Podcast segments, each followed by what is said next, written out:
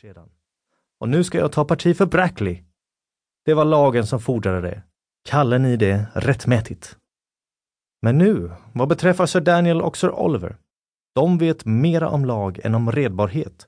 Jag har ingen rättmätig herre utom stackars kung Harry den sjätte. Gud välsigne honom. Den stackars dåren som ej kan skilja mellan höger och vänster. Du talar med elak tunga, vän, svarade Dick. Då du på samma gång smädar din gode herre och min herre konungen. Men kung Harry, pris vare helgonen, har återfått sitt sunda förstånd och ska i frid ordna allt. Och beträffande Sir Daniel så är du mycket tapper bakom hans rygg. Men jag ska inte vara den som skvallrar. Och låt det nu vara nog. Jag säger inte ett ont om eder, herre Richard, genmälde bonden. I ären en yngling, men då i nått en mans ålder skola I finna att I har en tom ficka. Jag säger ingenting mer. Må helgonen hjälpa Sir Daniels grannar och den heliga jungfrun beskydda hans myndlingar. Clipsby! utbrast Richard. Du talar sådant som jag som en man av heder ej kan höra på. Sir Daniel är min gode herre och min målsman. Nej, hör på nu då. Vill ni lösa en gåta? genmälde Clipsby. På vems sida är Sir Daniel? Jag vet inte, svarade Dick lätt rodnande. Ty hans förmyndare hade ständigt stått på olika sida i tidens oroligheter. Och varje ombyte av parti hade medfört någon ökning av hans förmögenhet. Verkligen, genmälde Clipsby. Ni eller ingen. Ty sannerligen, han är en som lägger sig som en Lancaster och går upp som en York. Just då gengöd bryggan under järnskodda hovar. De församlade vände sig om och såg Bennet Hatch komma galopperande. En brynhyad gråsprängd man med tung hand och bister uppsyn, väpnad med svärd och spjut, en stålhuva på huvudet och på överkroppen en läderrock. Han var en stor man i dessa trakter. Sir Daniels högra hand i krig och fred och vid denna tid tack vare sin herres inflytande befallningsman i häradet. Clipsby! ropade han. Iväg till Moathouse och skicka alla andra sölmakare till samma port. Bowyer ska giva er rock och stålhuva. Vi måste rida före vesper.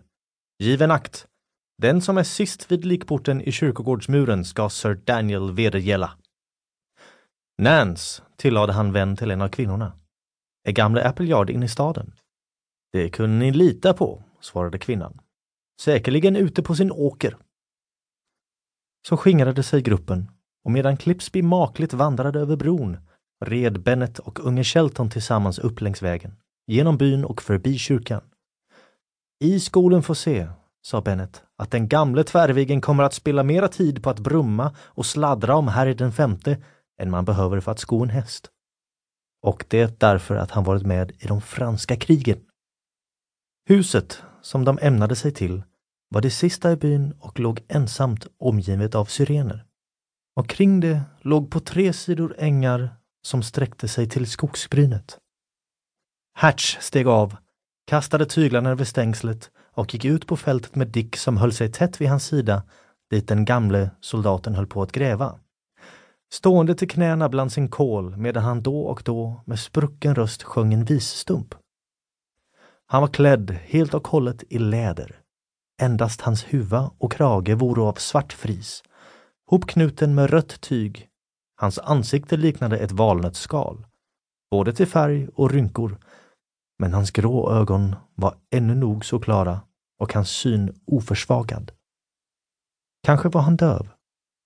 Kanske ansåg han det inte anstod en gammal bågskytt från Azincourt att ägna någon uppmärksamhet åt sådana småsaker. Men varken den dystra klangen av alarmklockan eller nalkandet av Bennet och ynglingen tycktes alls röra honom. Och han fortfor envist att gräva och gnolade med mycket tunn och darrande röst. Ack, heliga fru, om det täckes dig, jag ber förbarma dig över mig.